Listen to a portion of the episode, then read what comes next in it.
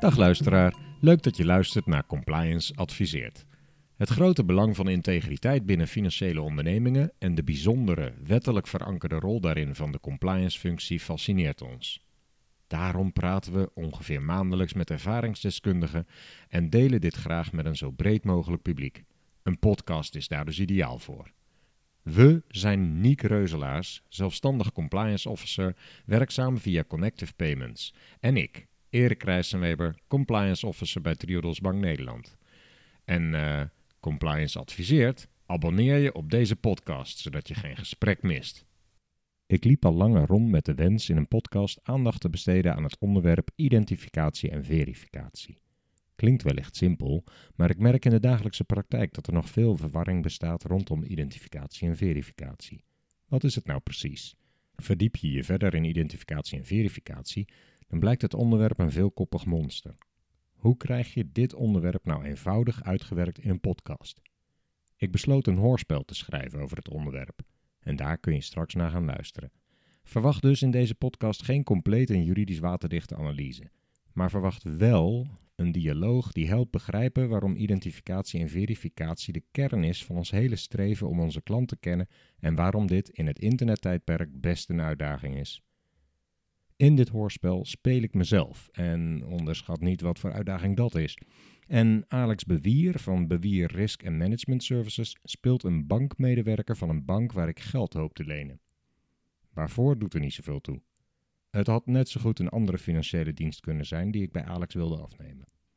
Het gaat in deze podcast over identificatie en verificatie van een natuurlijke persoon in Nederland. Identificatie van een zakelijke entiteit kan natuurlijk ook, maar dat laten we even buiten beschouwing voor nu. Veel luisterplezier. Hallo, ik ben Erik. Zo, mag ik nu geld bij je lenen? Nou, nee. Waarom niet? Je weet nu toch wie ik ben? Nou, ik wil mijn geld natuurlijk ook graag een keertje terug hebben. Bovendien, misschien wil ik je nog wel een keer ergens anders ook bij kunnen helpen. Dus wil ik wel precies weten wie je bent en waar je je kan vinden. Er zijn 34.500 mensen die Erik heten in Nederland en 91 daarvan zijn ook nog vrouw. Je voornaam is niet echt uniek. Vertellen dat je Erik bent zou tot zo'n 300 jaar geleden misschien genoeg zijn geweest, omdat alles veel meer lokaal geregeld was en mensen elkaar nog kenden. Maar goed, de meeste financiële instellingen willen tegenwoordig toch graag dat je je wat nauwkeuriger identificeert voordat ze met je in zee gaan. Want tja, hoe vind ik Erik terug in een land met 34.500 Eriken?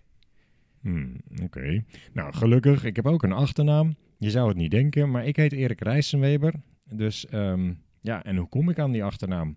Die heb ik van mijn vader. En die achternaam is in elk geval in Nederland redelijk uniek. Dat vond Napoleon destijds heel belangrijk. Napoleon wilde graag weten of iedereen wel netjes zijn belasting betaalde, dus hij liet iedereen een achternaam registreren bij zijn Franse overheid. Alleen een voornaam was dus niet meer uniek genoeg. In het begin van de 19e eeuw verplichtte Napoleon iedereen om een achternaam te dragen. Als je er nog geen had, werd er een achternaam voor je verzonnen.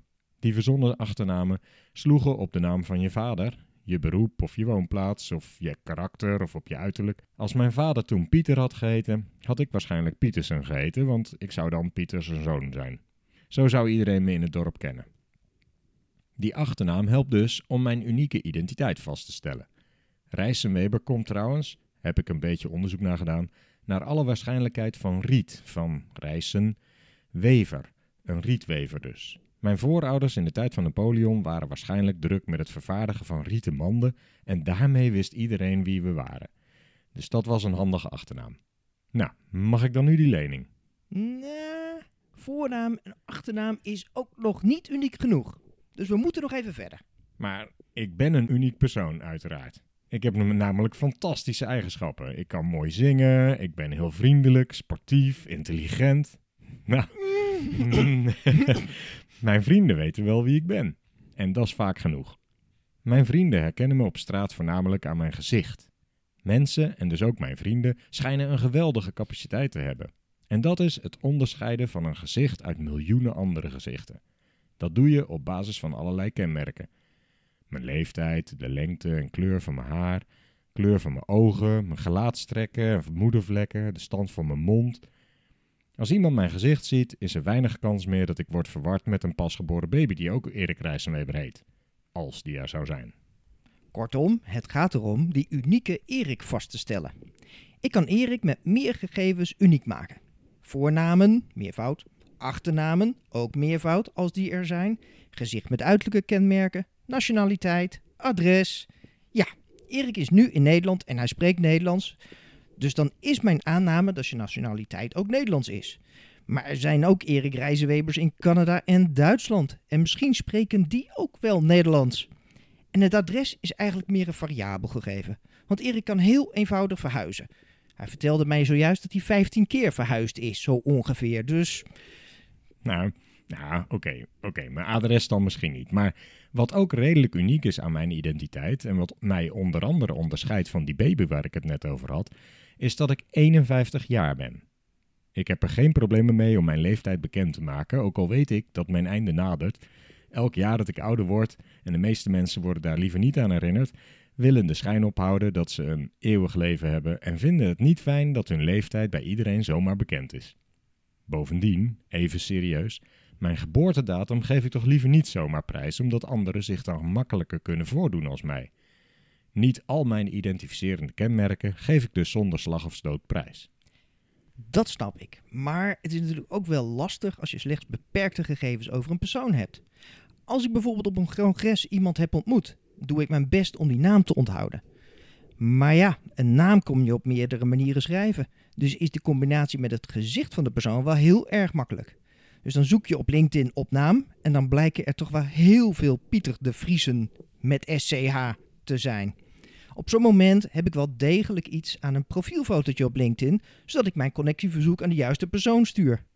Maar terug naar jou, Erik. Ik wil toch echt meer van je weten, zodat ik je ook echt uniek kan identificeren en terug kan vinden voordat ik je die lening kan geven.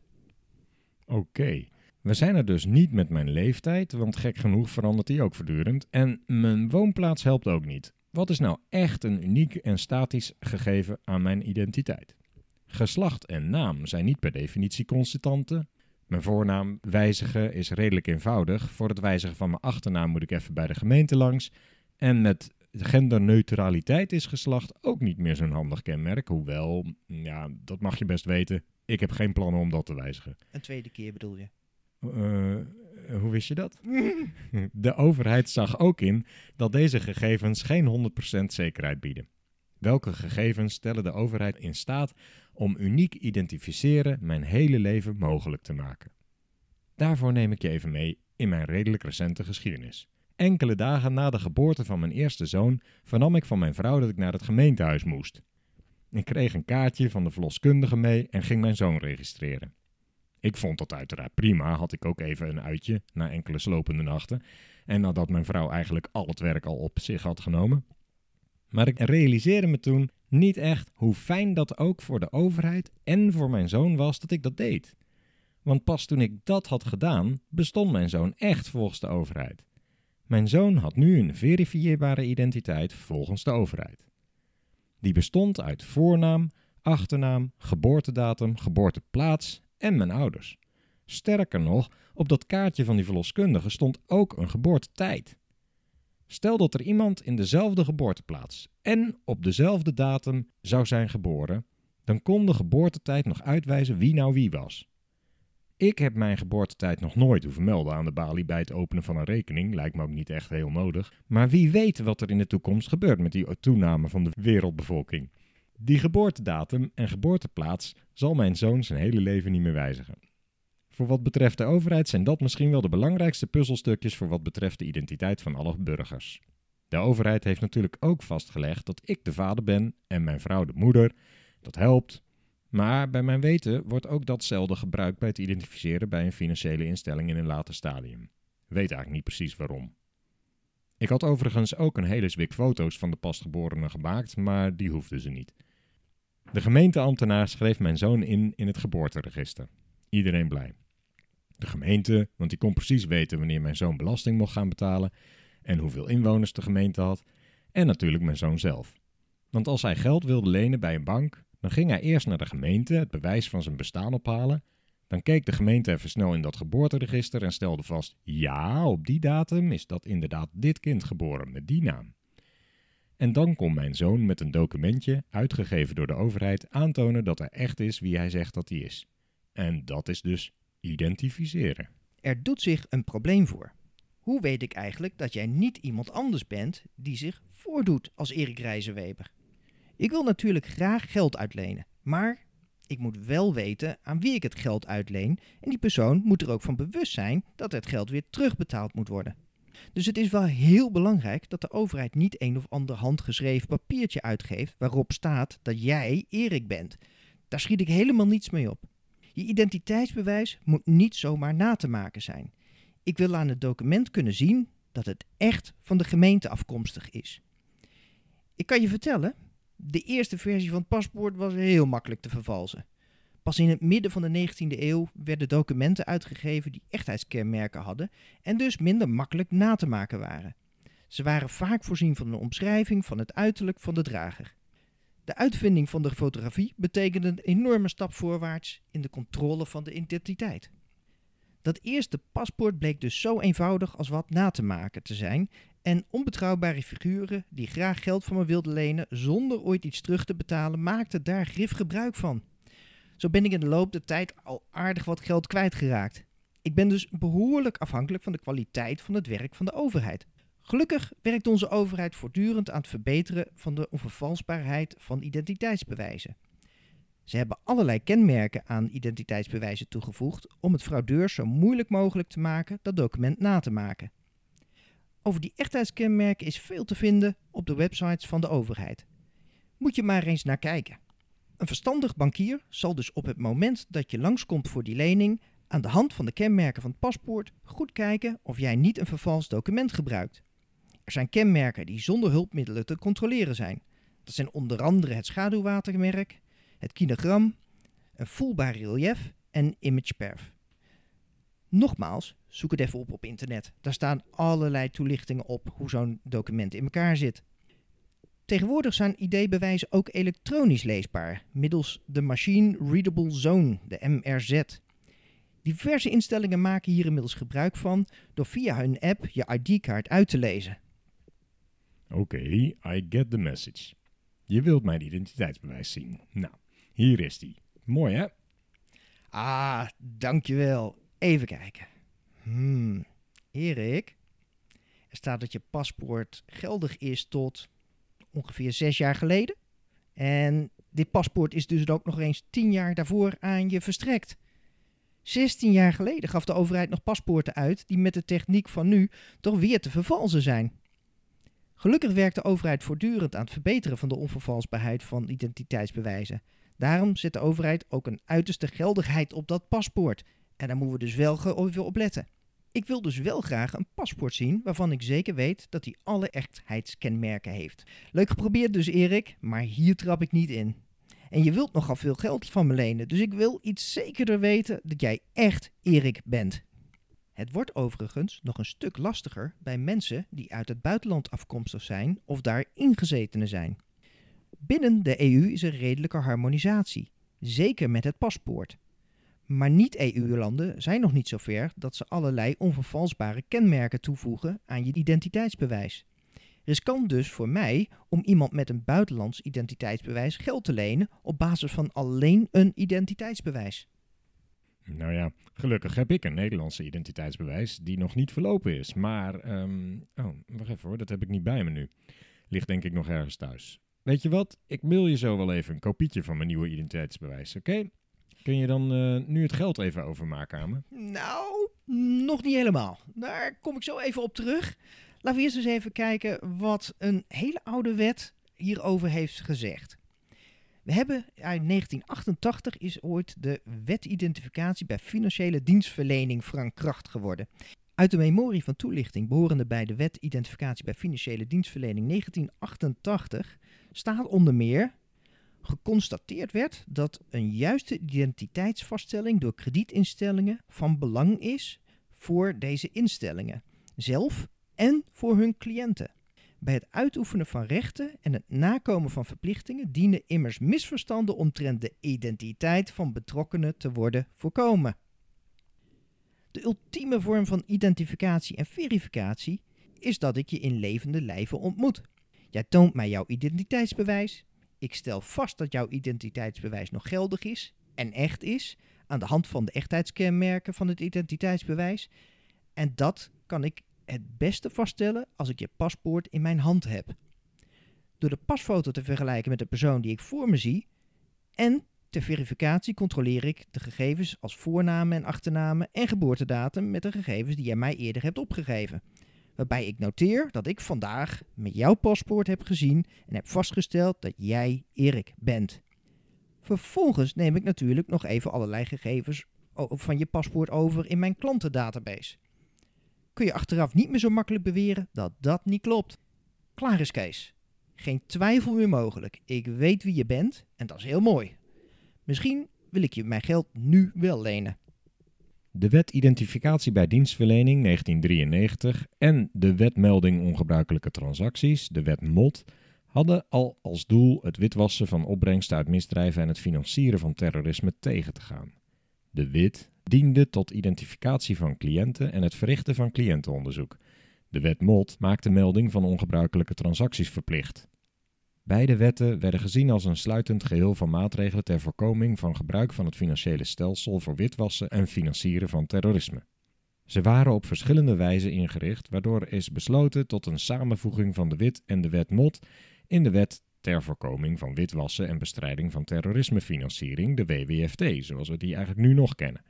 Deze wet vindt haar oorsprong in de 40 aanbevelingen ter bestrijding van witwassen van de Financial Action Task Force on Money Laundering, waarover we onlangs nog een podcast opnamen. Identificatie en verificatie was voor mij al essentieel en is ook nog wettelijk verplicht. Ik moet weten met wie ik te maken heb, ook omdat aan mijn klant risico's kunnen zitten die ik verplicht in kaart moet brengen voordat ik een relatie aan kan gaan met je. We hebben sanctielijsten, Nederlands, EU of een heleboel andere lijsten, afhankelijk van waar je je diensten levert. Het kan zomaar zijn dat je iets hebt gedaan waardoor ik geen diensten meer aan je mag leveren. Iedereen denkt altijd dat het gaat over mensen buiten Nederland, maar ook op de Nederlandse sanctielijsten staan juist heel veel Nederlanders. Daarnaast hebben we natuurlijk nog de Politically Exposed Persons, de PEPs. Bij publieke functies wordt een hoger risico op corruptie verondersteld. Dus moet ik weten of ik dit bijzondere risico heb door jou als klant te accepteren. Pas als ik alles wat ik relevant vind van je weet, kan ik beoordelen of ik het risico wel aan wil om jou mijn geld te lenen. Oh, en dan hebben we het ook nog even over negatieve media.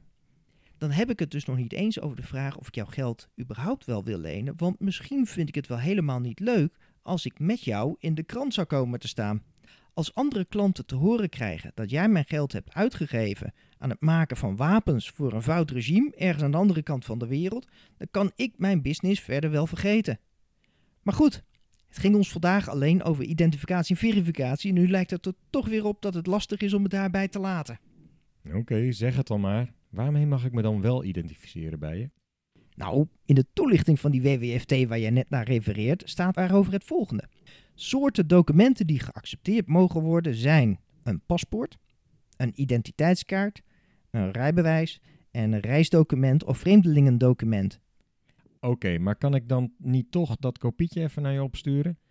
Want ik ben nogal druk en uh, ik kom niet nog een keer langs, dat snap je natuurlijk wel. Nou, Erik, het niet mee willen werken aan identificatie en verificatie is ook een grond om je geen lening te verstrekken. Dus dat werkt niet zo. Ja, maar ik wil wel meewerken. Ik wil het gewoon even opsturen. Tegenwoordig zie je wel gelukkig andere mogelijkheden. Steeds vaker bieden financiële instellingen diensten aan zonder de klant nog in levende lijven te zien. Maar daarover gaan we dadelijk nog even wat meer praten. Want dat op afstand past natuurlijk niet bij wat we net zeiden over de meest zekere manier van identificeren en verifiëren, namelijk face-to-face. Een kopie van een document opsturen is niet een goede oplossing. Want hoe kan ik dan op echtheidskenmerken controleren? Die zijn vaak niet af te zien op een zwart-wit plaatje. Erik, het scheelt dat ik je nu al heb gezien, maar toch zitten er nog wat haken en ogen aan het opsturen van een kopietje ID. Het is namelijk zo dat ik in het verleden dacht, nou ja, ik natuurlijk niet, maar collega's van me, je snapt dat, dat het wel genoeg zou zijn om even een kopietje paspoort van je op te slaan. Maar dat ging toch geregeld fout. Het bleek niet te doen om goed te controleren op die echtheidskenmerken. Sommigen, die mijn geld wilden lenen zonder terug te betalen, gingen in Photoshop wat zitten knutselen, pasten teksten aan, een pasfoto en stuurden daarvan een heel mooi printje. Daar ging ik dus echt de mist in. Bovendien heb ik een paar keer geld geleend aan mensen die ergens een kopietje paspoort van iemand anders hadden gevonden of gestolen en deden of zij die persoon waren. Dat kostte me natuurlijk ook veel geld. Bovendien wist ik dus eigenlijk helemaal niet met wie ik nu precies zaken deed.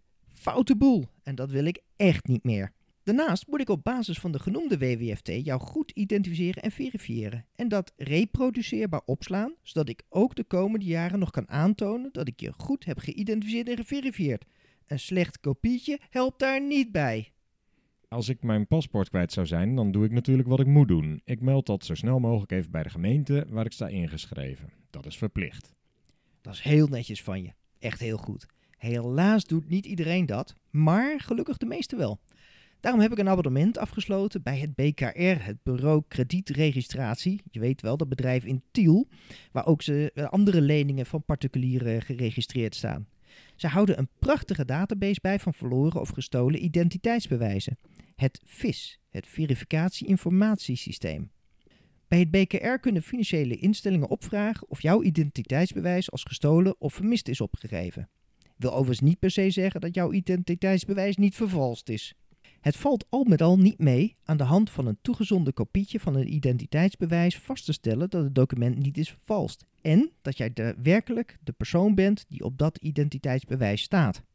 Ik wil daarom meer van je weten. Het helpt bijvoorbeeld als je even een bewijs opstuurt van je woonadres. Dan weet ik net iets zeker dat je me niet in de maling neemt. Hoe weet ik zeker waar je woont? Je zou zomaar een adres aan me kunnen opgeven. Maar daar heb ik iets slims op bedacht. Als je in Nederland woont, heb je stroom en water nodig, toch? Als energieleverancier heb je dus opgegeven waar je woont. Anders krijg je daar je stroom niet geleverd. Als je mij dan een rekening stuurt van je water- en energieleverancier, dan weet ik zo goed als zeker dat je daar ook echt woont en zie ik aan je naam dat het aan jou wordt geleverd. Hoewel je ook zo'n document natuurlijk na kan maken, wordt het al een stuk lastiger. Ik kijk dus wel of dat document niet met knippen en plakken is samengesteld en kan kloppen. Maar risicogebaseerd kan ik besluiten om nog meer zekerheid te verkrijgen. En in jouw geval, Erik, wil ik natuurlijk nog meer zekerheid hebben. Erik, zou je aan mij 1 cent over willen maken? Um, nou ja, 1 cent is natuurlijk niet veel, maar ik wilde juist geld van jou hebben. Wat heb je nou aan als ik jou 1 cent overmaak? Nou, simpel. Als je mij 1 cent overmaakt, stuurt jouw bank jouw naam en het rekeningnummer mee. Die rekening is kennelijk niet geblokkeerd, want je kan overboeken. Dus jouw bank wil kennelijk nog zaken met je doen. Jouw bank heeft jou ook ooit op basis van de zojuist besproken wetten moeten identificeren. Dus ga ik ervan uit dat de naam op mijn bankafschrift klopt en dat jouw identiteit destijds al eens is geverifieerd. Ik maak dan dus eigenlijk gebruik van afgeleide identificatie, zoals ze dat noemen. Lekker handig, hoef je niet meer naar mijn kantoor te komen. Fijn, maar um, kun je niet aan mij 1 cent overmaken? Want dan toon ik toch ook aan dat ik al een bankrekening heb en me dus al heb moeten identificeren? Nou, zo werkt dat helaas niet. Ik wil graag zien dat jij beschikkingsbevoegd bent op de rekening. Dat je kunt inloggen op de rekening en dat de rekening niet geblokkeerd is voor het doen van overboekingen. Ik kan dan op basis van jouw 1 cent betaling vaststellen dat de rekening op jouw naam staat en dat geeft mij weer meer zekerheid. Overigens gaf de wet de mogelijkheid tot het doen van een eenmalige incasso voor 1 cent. Maar ja, wie let er nou op een afschrijving van 1 cent van je bankrekening? Nee, het lijkt me veiliger als jij 1 cent naar mij overmaakt. Aha, oké. Ja, vandaar. Maar um, ik las laatst de WWFT-leidraad van de Nederlandse Bank, leek me gewoon interessant, um, dat je ook niet meer volledig op die ene cent transactie mag vertrouwen. Waarom zou dat zijn, denk je? De exacte reden weet ik ook niet precies. Maar we zijn natuurlijk alweer vele jaren verder sinds de wettelijke introductie van de 1 cent transactie. De stand van de techniek, zoals dat dan zo mooi heet, is enorm toegenomen. En dat er inmiddels veel meer mogelijkheden zijn om iemand op afstand te identificeren en verifiëren. Dat wordt ook steeds meer benadrukt vanuit de Europese AML-regelgeving. Daarnaast is het natuurlijk niet echt eerlijk dat de banken wel tot een volledige fysieke identificatie werden verplicht en dat andere partijen dan gratis gebruik konden maken van deze afgeleide identificatie en verificatie. En in het kader van een gelijk speelveld, in combinatie met het feit dat er tegenwoordig veel meer technieken zijn om op afstand te identificeren en verifiëren, lijkt het me dat de 1 identificatie geen lang leven meer zal hebben. Overigens hebben we natuurlijk ook bij de diverse banken heridentificatie van klanten voorbij zien komen. Dus ook de banken hebben niet in alle gevallen hun klanten aantoonbaar juist en volledig geïdentificeerd en geverifieerd. Ik wil echt meer zekerheid. Dus moet er meer gebeuren dan alleen die 1 cent transactie. Nou, zeg het maar. Wat moet ik doen om dat geld van je te lenen? Ik zoek iets dat die ultieme vorm van aan de balie identificeren en verifiëren zo goed als mogelijk nabootst. Iets beters dan dat is er eigenlijk nog niet echt voor consumenten. Maar kan ik dan niet een selfie maken met mijn paspoort in beeld voor je? Ja, al een goed idee, komt aardig in de richting. Maar statische foto's zijn weer makkelijker na te maken dan bewegend beeld. Ehm, kan ik dan niet even via Skype, Zoom, Teams, FaceTime, WebEx, WhatsApp en dan zie je me zitten en dan hou ik mijn identiteitsbewijs even voor de camera en dan weet je, ja, dit klopt. Klinkt heel eenvoudig. Het kan ook wel op die manier, maar zo eenvoudig als het klinkt is het helaas ook weer niet. Ik moet die vorm van identificatie en verificatie dan weer zien vast te leggen, zodat ik ook over vijf jaar nog in staat ben om aan toezichthouders te laten zien dat ik je goed heb geïdentificeerd. Maar er worden inderdaad al dergelijke identificatiemethoden gebruikt en verder ontwikkeld. Denk aan een scan van je paspoort via een app, waardoor ik automatisch kan controleren of je identiteitsbewijs niet als gestolen of vermist was opgegeven in de database van het BKR. En kan ik direct je identiteit tegen andere lijsten met PEP en sanctielijsten houden. Het kost wat, maar dan heb je ook wat. Ja, dat kost wel zeker wat, want uh, daarom wordt jouw dienstverlening zeker met de dag duurder. Daar is helaas niet heel veel aan te doen. Of misschien toch wel. Weet je, de EU maakt al plannen om een elektronische identiteit uit te gaan geven. Dat zou heel veel problemen oplossen, want dan heb ik dus naast mijn fysieke identiteit een digitale identiteit, waarvan onomstotelijk vaststaat dat ik dat ben. Als jij dan aankomt zetten met die digitale identiteit, dan pas ik de zogenaamde Digital Identity Verification toe en dan hoef ik verder niet veel moeite meer te doen. Maar de kosten gaan dan zeker niet omlaag, denk ik, vrees ik. Maar goed. Maar als je dan eindelijk klaar bent met het vaststellen van mijn identiteit, dan neem ik aan dat we klaar zijn, toch? Ja, jawel. Ik heb je geïdentificeerd en ik heb deze identificatie geverifieerd op basis van je paspoort, 1 cent, energiefactuur en videobellen. Maar dat houdt het voor mij nog niet op. Om aan alle wettelijke eisen te voldoen, moet ik nog de nodige zaken regelen. Ik moet dan zorgen dat ik alles wat ik van je weet uitermate slim opsla en goed beveilig. Ik heb verplichtingen rond beveiligen van gegevens, want ik moet zorgvuldig met je gegevens omgaan en mag die niet aan derden verstrekken, ook niet aan collega's als ze niet de gegevens nodig hebben. Ik heb te maken met bewaartermijnen, want als jij je lening hebt terugbetaald en ik daarna vijf jaar niets van je heb vernomen, dan moet ik alle gegevens die ik over je heb ook weer direct kunnen verwijderen. En daarnaast, als ik dan ook nog meer diensten aan je ga leveren, zoals een betaalrekening, een betaalpas, een hypotheek, een spaarfaciliteit, beleggingen, dan heb ik nog meer aanvullende verplichtingen. Denk aan ranciering aan de Belastingdienst, het depositogarantiestelsel waar een hoop rapportageverplichtingen over zijn, periodieke sanctiescreening, periodieke PEP-screening, periodieke review van onze relatie, transactiemonitoring. En ga maar door. Als ik dat nu niet slim doe, dan gaat me dat straks heel veel moeite en geld kosten en moet ik mijn diensten weer duurder maken. Oh ja, dan vind ik dat wel belangrijk, want ik wil niet dat mijn gegevens zomaar op straat kunnen liggen en duurder worden. Dan kunnen anderen zomaar op mijn naam en kosten telefoonabonnementen afsluiten, hotels boeken, etc. Die dieven stelen dan zogezegd je identiteit. Nee, maak je maar geen zorgen. Dat regel ik op een veilige manier. Wat sla je dan eigenlijk precies op over me? Hoeveel weet je er van me? Nou, dat is afhankelijk van de wettelijke verplichtingen. Je pasfoto bevat mogelijke kenmerken over je etnische afkomst of religie. En aangezien dat extra gevoelige gegevens zijn volgens de AVG, de Algemene Verordening Gegevensbescherming, mag ik die ook niet zomaar opslaan. Daar moet ik passende maatregelen nemen. Je BSN-nummer heb ik nodig als ik moet garantiëren of DGS, depositogarantiestelselverplichtingen heb. Niet bij een simpele lening. Dus afhankelijk van de diensten moet ik meer opslaan. Het kan dus best een gedoe zijn om te kunnen bewijzen dat ik je identiteit heb vastgesteld en geverifieerd. Maar dat ik aan de andere kant ook niet onnodig gegevens opsla. Hé, hey, hé, hey. hey, kijk nou. Ik vind hier ineens nog mijn geldige rijbewijs. Ik had hem in mijn binnenzak zitten. Kijk eens. Aha, jee. Nou, dat is nu wel geregeld. Ik weet wie je bent, want dat heb je me verteld. En ik heb je kunnen verifiëren op basis van je rijbewijs nu. Hier is je lening, Erik. Gefeliciteerd.